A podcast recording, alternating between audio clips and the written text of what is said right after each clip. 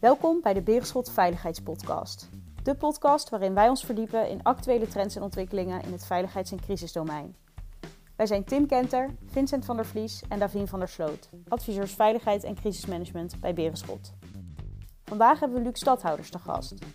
Luc is expert op het gebied van digitale veiligheid en gaat met Tim in gesprek over digitale incidenten.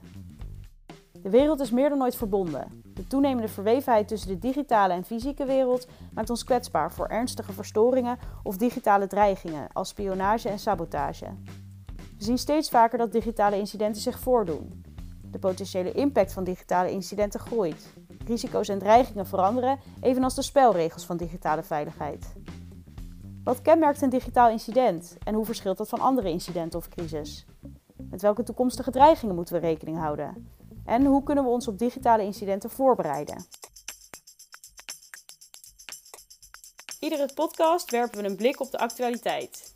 Zo, Luc, wat is jou opgevallen de laatste tijd? Ja, je ontkomt er niet aan. Het is natuurlijk afgelopen weken vooral gegaan over de problemen bij de GGD. Uh, ja, en het is echt ongelooflijk. In de voorbereiding op deze podcast uh, kreeg ik een, een pushbericht dat er opnieuw ICT-problemen zijn bij de, bij de GGD. Coronatest.nl blijkt niet goed genoeg beveiligd. Het is nog niet bekend uh, welke beveiligingsproblemen er precies spelen. Maar het is wel blijkbaar zo ernstig dat zelfs uh, het ministerie van, uh, van BZK, Binnenlandse Zaken, de website dreigt af te sluiten van, van DigiD. Ja, wat is dan DigiD? Dat, DigiD gebruikt ja, de overheid voor het identificeren en authenticeren van, van burgers. Maar er worden ook wel echt strenge eisen aan aangesteld. En wat ik er nu van heb begrepen, is dat uiteindelijk de GGD daar niet in staat is aan die eisen te voldoen. En dat is iets wat blijkbaar al wat langere tijd bekend is. Maar ja, dat is weer uh, een. een uh, ja, dat, dat, valt dan toch weer in het rijtje van wat eerder al bij de GGD was. Dat data niet goed uh, beveiligd was in de afgelopen maand. Ja, precies. En dat betekent dus dat je online geen afspraak kan maken, maar dat je online ook je uitslag niet kan zien? Ja, dat is inderdaad één kant van het, uh, van het verhaal. Dus het, het raakt ook echt wel de dienstverlening van, van de GGD als ze afgesloten worden. Maar uh, ja, erger nog, ik vind het vooral dat de uh, gegevens dus niet goed blijken beveiligd uh, te zijn. Ja, en de gevolgen daarvan, zeker als het gaat om gegevens als BSN, medische gegevens, postcodes, telefoonnummers, ja, daar kunnen kwaadwillenden echt heel snel misbruik van, van maken. Ja, super interessante casus en ook dat het nu zo gebeurt. Maar ik kreeg vanochtend ook, vanmiddag ook van een collega, kreeg ik een, een melding doorgestuurd. En dat betrof namelijk een hack op een uh, drinkwaterbedrijf in Florida, Amerika. In het, uh, in het dorpje Oldsmar aan de westkust. En wat daar is gebeurd is dat er een hacker die is binnengedrongen in het waterzuiveringssysteem. En hij heeft het middel loog, dat ook in het water wordt toegevoegd, mm -hmm. om de zuurgraad uh, op peil te houden, heeft hij 100 keer verhoogd. Zo. En dat betekent dus eigenlijk dat het, de zuurgraad zo hoog is geworden dat het eigenlijk gewoon dodelijk is geworden. Gelukkig was er dus een persoon bij dat drinkwaterbedrijf die uh, die situatie aan het monitoren was. En die zag dus die waardes zo snel omhoog gaan en die heeft dat direct kunnen terugbrengen. Maar ja, stel je voor dat dit wel had kunnen gebeuren. En deze hacker is dus binnengekomen waarschijnlijk via een remote systeem. Dus die kon op afstand kan je, kan je bekijken uh, hoe de zuurgraad zijn of als er incidenten zijn. En je ziet wel wat, dat, wat voor gevaren dat eigenlijk, uh, eigenlijk oplevert. En in Nederland, de drinkwatersector of de drinkwaterbedrijven worden zelfs gezien als vitale infrastructuren. Dus op het moment dat er uitval of, of misbruik wordt gepleegd op dit soort systemen, dan kan dat uh, invloed hebben op de nationale veiligheid. Ja, en, daar, en daar, ja, daar lig ik toch eigenlijk al soms wel een beetje wakker van. Dat stel je nou voor dat het ook in Nederland zou gebeuren. Dat, uh, dat dit soort partijen worden gehackt en dat we gewoon geen drinkwater meer hebben of dat het drinkwater wordt beïnvloed. Ja, dan heb je toch een heel groot probleem. Ja, en uh, is er iets meer bekend over wie het drinkwaterbedrijf hackte en waarom? Nee, daar is nog eigenlijk helemaal, niks, helemaal niet, niets over duidelijk. De politie en de geheime dienst zijn hier wel natuurlijk uh, op onderzoek uit. En ik, ik ga het wel eventjes in de gaten houden wat daaruit komt. Met het invallen van de donkere dagen in oktober neemt de kans op criminaliteit toe. Maar door corona verschuift hij zich van woninginbraken naar online criminaliteit.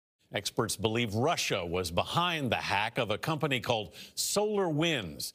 Er zijn eigenlijk verschillende dreigingen in de NAVO. Eén is een bekende, denk ik, dat is de Russische dreiging. Mm -hmm. uh, maar daarnaast is er in het zuiden de dreiging van de migratie en daarmee ook de, de terroristische dreiging. En er is een derde die eigenlijk niet uit één speciale richting komt en dat is cyber. Uh, en die is er nu al. De term cyber vliegt je om de oren. Tim, wat verstaan we onder cyber? Ja, Davina, ik kan me heel goed voorstellen dat de term cyber je om de oren vliegt. Als ik zelf ook wel eens het nieuws bekijk, dan zie ik heel veel verschillende woorden. Cybersecurity, cyberaanvallen, cybercriminaliteit komen heel vaak langs. Er zijn zelfs wel 700 woorden, Nederlandse woorden, waar de term cyber voor staat. Maar als ik dat wil uitleggen, de term cyber, dan maak ik vaak, of maken wij vaak gebruik van een driedeling. Um, aan de ene kant heb je het over informatiebeveiliging. Je kan het hebben over cyberincidenten en je kan het ook hebben over cybercriminaliteit, cybercrime. Uh, Luc, misschien is het goed om uit te leggen wat uh, informatiebeveiliging eigenlijk is. Ja, dan vraag ik nogal wat, uh, wat Tim. Ja, als je een, een, strakke definitie zou willen hanteren, dan heb je het over het geheel aan allerlei maatregelen, procedures, processen die je als, als organisatie of als samenwerking inricht om de zogenaamde beschikbaarheid, integriteit en de vertrouwelijkheid van je informatie en je systemen uh, te waarborgen. Maar het, het, zijn feitelijk hele complexe uitdagingen waar je als organisatie voor staat. Voldoe je aan de geldende normen die er, die er zijn? Of heb je zicht op de risico's waar je dan ook voor staat als, als organisatie? En belangrijker nog, heb je dat ook in alle lagen van je organisatie goed georganiseerd? Dus aan de ene kant heb je het over, over de voorbereiding. Aan de andere kant heb je het ook over een stukje detectie. Uh, als ik er nou zo graag, wat vind jij nou zelf rondom detectie nou echt iets, echt iets belangrijks? Kijk, waar het om gaat is uh, of je jezelf in het spiegel aan kunt kijken als je de vraag stelt of je voorbereid bent op een eventuele aanval of, of bijvoorbeeld op uitval. Dus als het gaat op dat aspect, heb je dan de juiste metrics ingebouwd in je organisatie om dat te kunnen zien? Weet je wat je kritische systemen zijn? Weet je wat ook de dreigingen zijn die op je afkomt? Als je dat weet, dan kun je goed voorbereid zijn op allerlei dreigingen die op je afkomen. En daarmee dus ook zorgen dat je de goede waarborgen aan de voorkant organiseert. Ja, zeker. En daar heb je natuurlijk ook een aantal mogelijkheden toe. Hè? Bijvoorbeeld het instellen van een SOC of een SIEM. Kan je misschien eens meer uitpluizen wat, wat bijvoorbeeld een SIEM? Ja, kijk, een SIEM is, is een middel. Dat wordt vaak gebruikt. Wij hebben een SIEM nodig als, als organisatie. De kern zit er feitelijk veel meer in of je als organisatie ingericht bent om incidenten te identificeren. En wat daar vaak wordt gedaan is op een operationeel niveau, vaak bij een beheerorganisatie of een uh, deels in eigen huis of soms ook buiten, een SOC uh, in te richten. En dat staat voor een Security Operating Center, die eigenlijk je interne en externe omgeving monitort op allerlei dreigingen die op je afkomen. Dus allerlei systemen genereren informatie, uh, allerlei logbestanden. En die logbestanden die kun je in een SIEM-oplossing plaatsen.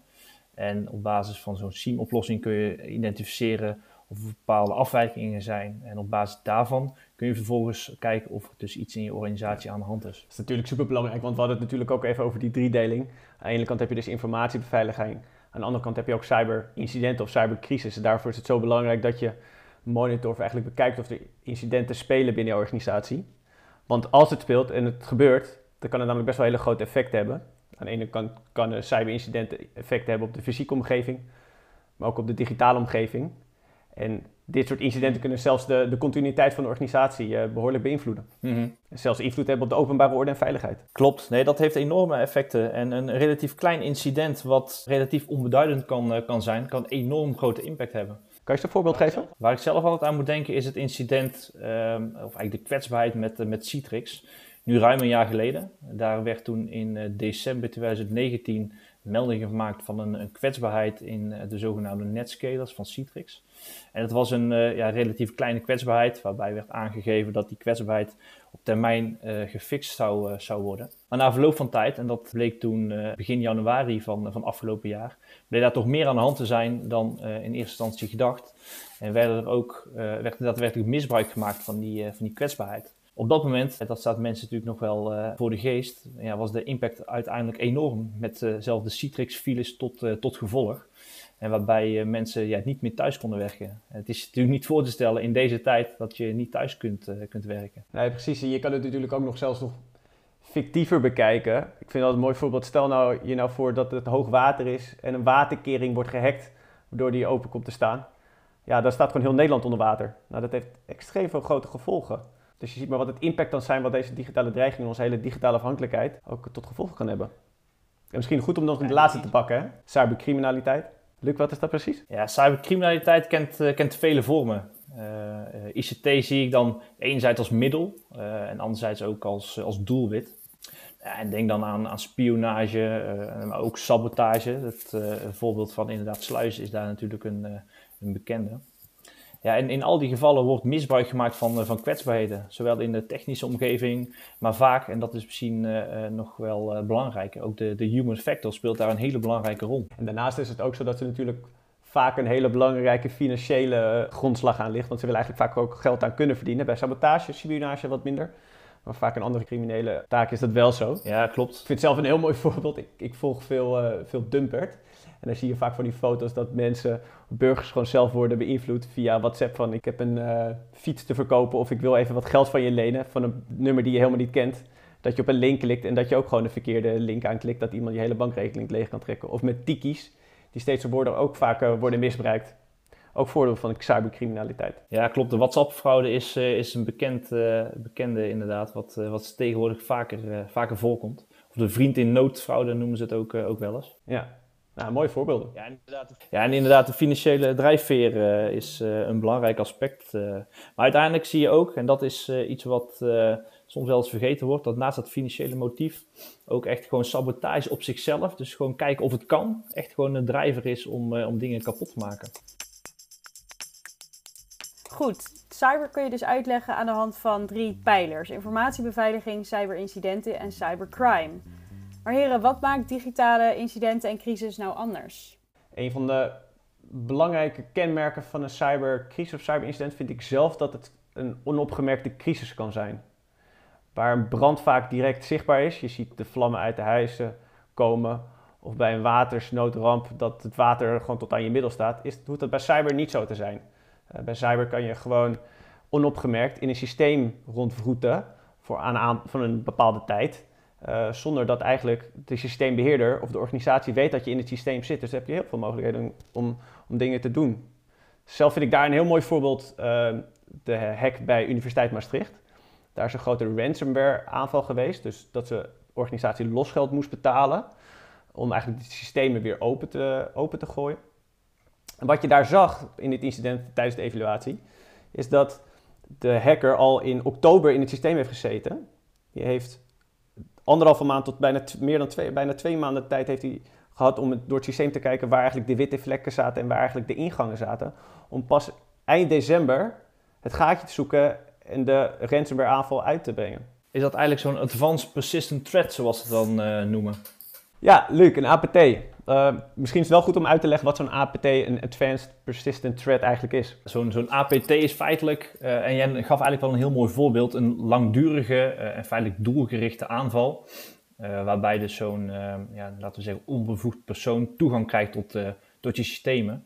Maar belangrijker nog, dat ook ongemerkt kunt, kan doen.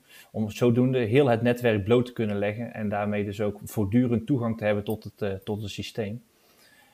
En zo'n APT is echt wel een complexe aanval. En dat doe je dus ook echt niet, uh, niet zomaar, zoals een willekeurige phishing uh, of, of ander type, type aanval. Um, er is dus vaak ook wel echt gericht door de ja, organisatie die daar uh, ook echt wel de middelen toe heeft om dat voor elkaar te krijgen. Ja, wat zijn dan voor jou voorbeelden van organisaties die dat dan echt kunnen? Ja, kijk, de, de voorbeelden die zijn talloos. Dat zijn dan wel landen, dan wel allerlei criminele groeperingen gelieerd aan allerlei landen die dat, die dat doen. Het wordt speculeren, uh, maar de bekende uh, namen van allerlei landen, uh, zoals in China, Rusland, ja, die komen dan wel vaak terug dat die de middelen hebben om dat soort zaken te regelen. Ja, precies. Vond ik altijd wel een mooi voorbeeld is dat Nederland ooit de mogelijkheid heeft gehad om in de beveiligingscamera's te, te kunnen kijken van de hackaanval die Rusland ooit heeft uitgevoerd. Dat noemen ze toen ook destijds Defensiebeer, dus de hackersgroep, die vaak deze APT, dus die Advanced Persistent Threats, kon, kon uitvoeren. Luc, heb jij misschien nog andere voorbeelden van, uh, van kenmerken van een cybercrisis? Er zijn verschillende kenmerken, maar wat ik zelf altijd wel een hele belangrijke vind, is de afhankelijkheid. De ketenafhankelijkheid, zoals ze dat dan ook wel, uh, wel zeggen. De systemen zijn meer en meer met elkaar verbonden en daarmee ook uh, is afhankelijkheid toegenomen. En dat zie je ook, ook recent in een hack met, met SolarWinds, waarbij je ziet dat een, een leverancier of een derde partij wat ze dan uh, een zogenaamde supply chain attack noemen, toegang krijgen tot ja, de omgeving van, uh, van een andere organisatie. Op die manier krijgen ze dus via een andere organisatie ja, toegang tot jouw systeem. En die afhankelijkheid is op zichzelf natuurlijk, zeker wanneer het gaat om de vitale sector, als het gaat om uh, digitaal veilig Nederland, ja, ontzettend belangrijk om daar aandacht voor te hebben. Je doet er niet meer genoeg aan met een eigen firewall en alles dicht te, te timmeren. Juist omdat je zo verbonden bent met, met andere organisaties. Ja, precies. En daarbij is het natuurlijk ook zo immens belangrijk. Helemaal als je kijkt naar die ketenafhankelijkheid, dat je ook moet weten wie eigenlijk je ketenpartners zijn. Dus te zorgen dat je daar een goed beeld bij krijgt. Ja, dat begint weer inderdaad zicht te krijgen op je eigen infrastructuur, op je omgeving, uh, allerlei risico's, strategisch en operationeel, wat dat betekent voor jouw organisatie en, uh, en samen, uh, ja. Nou, misschien wil ik nog een laatste kenmerk noemen dan Davine, want je vroeg natuurlijk om de mooie kenmerken, dus dan zal ik ook nog een mooie laatste noemen. En die vind ik zelf echt heel erg belangrijk, is het grote taalverschil tussen bestuurders en specialisten. Wat je vaak ziet is dat experts, dus de echte specialisten, een bepaald taalgebruik voorleggen aan bestuurders. Misschien herken je het af en toe ook eh, aan de termen die wij tijdens deze podcast gebruiken. Die vragen toch wel vaak wat duiding. En vaak is die duiding zo belangrijk tijdens een crisis. Maar wat je ook vaak ziet is dat experts vaak uitgaan van een bepaalde expertise van bestuurders die bestuurders misschien helemaal niet hebben. Dus het stukje duiding tijdens een incident of tijdens een crisis is, is extreem belangrijk en dat ook goed kunnen doen. En hoe kan je die brug slaan, eh, Tim? Nou, ik vind het belangrijk dat je de personen bij elkaar aan tafel zet. En dat je weet waar eigenlijk de expertise wel of niet zit. Zodat je met elkaar in gesprek kan gaan over, oké, dit is wat ik weet en dit is mijn taal. En aan de andere kant, dit is hoe ik kijk naar cyberincidenten of naar digitale veiligheid. En op die manier dat samen kunnen brengen, dat kan je eigenlijk alleen maar doen door met elkaar aan tafel te gaan zitten. Ga eens met elkaar oefenen. Ga eens met elkaar in gesprek. Ja, wat ik zelf ook wel mooi vind, in mijn werk eh, kom ik daar nog steeds wel eens tegen. Dan blijkt een, een CISO of eh, een, een verantwoordelijke voor een eh, specifiek onderdeel van je ICT-omgeving eigenlijk nog nooit met een bestuurder of een verantwoordelijke in het kader van openbare orde en veiligheid met elkaar om tafel te hebben gezeten. Terwijl dat juist het gezamenlijke doel, de impact van een, een digitaal incident in beperken, is enorm belangrijk. Ja, en daarnaast vind je, zij zojuist ook nog CISO. Wat is een CISO? CISO, ja, dat is een, een hele goede. Uh, uh, geen cyber in ieder geval. Die staat voor uh, de afkorting Chief of Concern, of het is maar net hoe de afkorting precies gebruikt wordt. Maar dat is degene die verantwoordelijk is voor, wat ze dan zeggen, het informatiebeveiligingsproces van een organisatie. Dat betekent dus niet dat diegene verantwoordelijk is voor alles op het gebied van, van security. Maar die heeft een belangrijke adviserende functie in, het, ja, in zijn of haar organisatie. Waarbij dus uiteindelijk hij of zij uh, ja, adviseert hoe zijn organisatie bereidheid om het nemen van risico's kan, kan nemen. Welke maatregelen ook nodig zijn ja. om uiteindelijk uh, te zorgen voor uh, de goede security posture. Ja, mooi. Goed om dat even toe te lichten. Maar nog even teruggepakt op die taalverschillen tussen bestuurders en specialisten. Wat ook wel heel belangrijk is, is dat je ziet, aan de ene kant moet je dus het aan de bestuurders kunnen uitleggen. Want die moet uiteindelijk ook naar buiten treden. Maar je moet het ook kunnen uitleggen naar de burgers. Dus burgers moeten ook begrijpen inderdaad uiteindelijk wat zo'n cyberincident betekent en wat het voor hun betekent. En dat communicatieaspect is ook een heel belangrijk deel om te kunnen duiden. Digitale incidenten en crisis hebben een aantal kenmerken die ze onderscheiden van gewone incidenten. Vaker dan reguliere crisis zijn ze onopgemerkt. Daarnaast is er sprake van ketenafhankelijkheid. Digitale systemen staan niet op zichzelf, maar zijn verbonden. In de voorbereiding en aanpak van cyberincidenten is samenwerking nodig. En dat kenmerkt cyberincidenten en crisis ook. Ze vragen vaak om publiek-private samenwerking. In de aanpak is het tot slot van belang rekening te houden met taalverschillen tussen de bestuurder die beslist en de specialist met de inhoudelijke kennis. Dat is belangrijk voor de duiding en aanpak van, maar ook de communicatie over incidenten. Luc en Tim, waar maken jullie het ten aanzien van cyber het meeste zorgen over? Ja, goede vraag. Er zijn eigenlijk zoveel dingen waar ik me eigenlijk zorgen over maak. Uh, we hebben het net even gehad over het waterzuiveringsbedrijf in de VS, de GGD Datalek, de Hof van Twente, uh, Universiteit van Maastricht. Zijn hele wat incidenten die op ons afkomen. Maar zelf vind ik nog wel een interessante en ook wel een hele spannende is het verhaal van Internet of Things. En dat zijn dus eigenlijk apparaten of systemen die met het internet verbonden zijn. Dus kan je je voorstellen, dat kan een, een koelkast zijn, een verwarmingsinstallatie, eh, een lamp. Maar dat kunnen ook auto's zijn, dus zelfrijdende auto's. Of, uh, nou ja, we hebben net gezien, dat kan ook een, eh, een waterzuiveringsinstallatie zijn die op afstand wordt bediend. En, en in principe heeft, biedt het ons heel veel moois. Hè? We, hebben, we kunnen op afstand dingen besturen, we maken ons veel gebruiksvriendelijker. Maar er zitten ook wel heel veel, heel veel gevaren aan. Want eigenlijk alle apparaten die met het internet verbonden zijn, daar kan een hacker tussen komen te zitten. En wat je ziet veel bij Internet of Things, of dit soort apparaten, koelkasten, lampen, is dat die vaak heel slecht beveiligd zijn.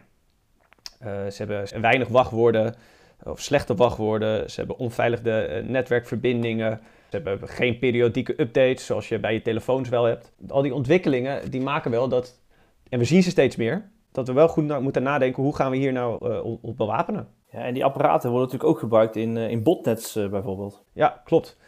Interessant dat je dat zegt, want politie die heeft, nou, tenminste ik las voor mij was het vorige maand, dat de politie in Nederland een nieuw botnet had opgerold. Botnet e-, Emotet. Dus, maar dat was interessant, omdat er heel veel politie-eenheden in de wereld hebben zich bezig gehouden om dit, dit botnet op te rollen. Zo'n botnet is, dat, dus daar zijn al die apparaten aan, aan verbonden. Die kunnen DDoS aanvallen eh, plegen vanuit zo'n botnet. En doordat het zo'n grote internationale operatie is geweest, laat het wel zien hoe, wereldwijd wij eigenlijk dit ook als een gevaar zien. En Luc? Ja, waar ik me het meeste zorgen over maak. Een, menselijk foutje is zo gemaakt. Je hoeft maar op een verkeerde link te klikken of, uh, een techniek die, uh, die faalt, wat echt leidt tot, uh, tot verstoringen. Ja, en dan is heel snel de continuïteit van je bedrijf of organisatie in het geding. ransomware is natuurlijk al een aantal keer voorbij gekomen in, in de podcast. Uh, vertrouwelijke gegevens in verkeerde handen. Toch de meest voorkomende datalek is een, een simpelweg verkeerd uh, verstuurd e-mailtje. Maar misschien ernstiger nog wel is eigenlijk de ontwrichting van allerlei dagelijkse processen die tegenwoordig worden aangestuurd door, uh, door computers. Het doorstroming van verkeer, regulering van de waterstand. Ja, wanneer daar iets mis mee gaat, is de impact natuurlijk enorm. En de beschikbaarheid van die informatiesystemen en daarmee dus de uitval aan de andere kant heeft echt immense mogelijk potentieel ontwrichtende uh, ja, impact. En uiteindelijk ook de integriteit van, uh, van die informatiesystemen. Uh, het ontregelen van pompen, rioleringen of bijvoorbeeld van die waterzuiveringsinstallaties. En vooral dat kleine foutje wat die enorme impact kan hebben, dat is wel iets waar ik me zorgen over maak. Wat zou jij dan adviseren om te doen in zulke gevallen? Ja, dat begint echt bij de basis op orde. En dat blijft een, uh, een uitdaging, omdat daar de omgeving verandert, de dreigingen veranderen. Je bent dus nooit klaar. Uh, en dat is iets wat organisaties ook niet realiseren. Dat ook bijvoorbeeld als het gaat om awareness, de human factor, dat is eigenlijk een project of een proces zonder einde. Allerlei maatregelen op technisch of organisatorisch vlak, ook dat, daar, daar ben je nooit in klaar. De omgeving verandert, de infrastructuur verandert. En uiteindelijk grip krijgen en inzicht krijgen op de risico's die op je afkomen, is echt een belangrijke stap om uiteindelijk daarmee te bepalen wat je voor maatregelen je moet kunnen nemen. Ja, ik vind het interessant wat je zegt. En, en daarbij aanvullend is ook wel dat ik merk vanuit mijn eigen ervaring is dat bedrijven eh, en organisaties, overheden, ja, steeds wel meer bewust worden van de, van de gevaren die dit oplevert. Dus dat je continuïteit van je organisatie uh, beïnvloed kan raken. Maar wat je nog een beetje mist, naar mijn gevoel, is dat dat ook echt geborgd is binnen alle lagen van de organisatie. Dus je ziet op, op een operationeel, technisch, tactisch niveau wordt het wel. Maar het is ook belangrijk dat op strategisch niveau het belang wordt ingezien. Omdat zulke cyberaanvallen gewoon de continuïteit van je eigen organisatie in bedrijfsvoering gewoon immens kan beïnvloeden. Het gaat echt op alle niveaus. Uh, uh, ik ken voorbeelden van organisaties die heel erg bezig zijn om echt op uh, operatieniveau allerlei processen goed in te richten, incidenten goed te managen. Maar wordt er vanuit boardroom, vanuit het bestuur, er weinig aandacht aan gegeven. En dat uitzicht dan in dat er weinig middelen zijn, dat uiteindelijk de investeringen die uh, dan toch plaatsvinden, uiteindelijk niet het gewenste effect, uh, effect hebben. Dus van boven tot onder in je organisatie en van, van de medewerker tot en met de directeur. Ja, dat moet echt in de haarvaten van een organisatie uiteindelijk zitten. Om te zorgen dat je uh, ja, gereed bent wanneer het toch mis, misgaat. En dat is in die zin natuurlijk uh, uh, een gegeven. Je kunt er zo op zijn voorbereid, maar je weet dat het een keer misgaat. Zorgen zijn er rondom IoT, oftewel het Internet of Things. Het fenomeen waarbij apparaten via internet onderling verbonden zijn. Deze apparaten zijn niet altijd goed beveiligd en kunnen gehackt worden met mogelijk ernstige gevolgen van dien. Ook zijn er zorgen rondom uitval verstoring. Onze maatschappij is in toenemende mate afhankelijk van digitale systemen. De potentiële impact van uitvalverstoring kan immens zijn, omdat het vitale processen in de maatschappij kan raken. Maar niet alleen apparaten en systemen zijn foutgevoelig, mensen ook. Een klein cyberincident met mogelijk grote gevolgen zit in een klein hoekje. Heren, wat zouden jullie de luisteraars nog willen meegeven als het gaat over dit onderwerp? Begin echt met in- en overzicht van je, van je risico's. Strategisch, operationeel, maar weet wat de dreigingen zijn voor jouw organisatie. En belangrijk, weet ook aan welke normen je moet voldoen. Echt, die compliance is ook echt een belangrijk aspect uh, daar, uh, daarin. Ja, en wat natuurlijk belangrijk is, richt je naast allerlei technische en organisatorische maatregelen ook bovenal op een stukje samenwerking.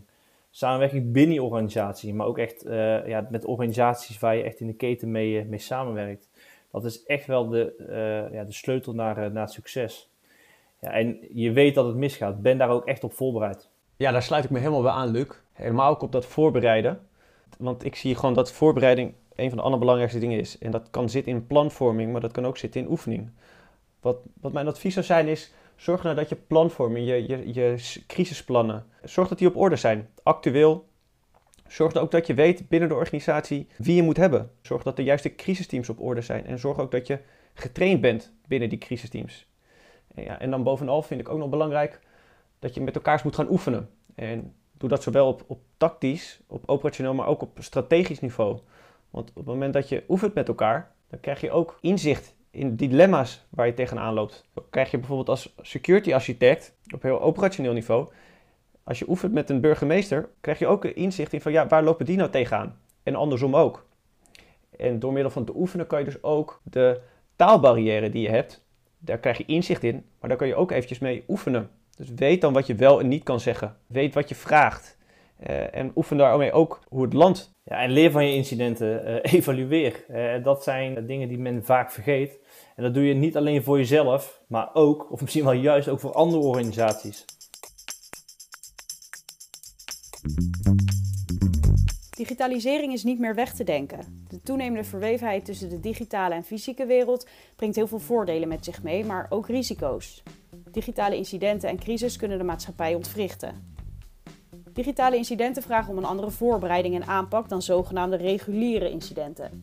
Ze spelen zich vaker onopgemerkt af en door ketenafhankelijkheid vergen ze samenwerking. Ook ten aanzien van de aanpak brengt dat uitdagingen met zich mee. Dreigingen omvatten bijvoorbeeld spionage of hacks. Die kunnen mogelijk sabotage en verstoring met zich meebrengen. Volgens experts Luc en Tim is het van groot belang om de weerbaarheid van organisaties, bijvoorbeeld in de publieke sector, op orde te brengen. dat vraagt samenwerking. Op het moment dat organisaties gezamenlijk adaptief zijn, zijn ze in staat zich te wapenen tegen digitale gevaren. De human factor is hierbij van groot belang. Specifiek vraagt het om bewustzijn van de gevaren, het gesprek aangaan en voorbereiding in de vorm van opleiden, trainen en oefenen. Leuk dat je weer hebt geluisterd naar de Berenschot Veiligheidspodcast. Heb je suggesties voor een onderwerp of wil je meer weten, bijvoorbeeld over wat Berenschot doet op het gebied van digitale veiligheid? Neem vooral contact op. Onze gegevens vind je onder onze podcast in jouw favoriete podcast-app. Vind je het leuk om naar onze podcast te luisteren? Ook dan horen we graag van je.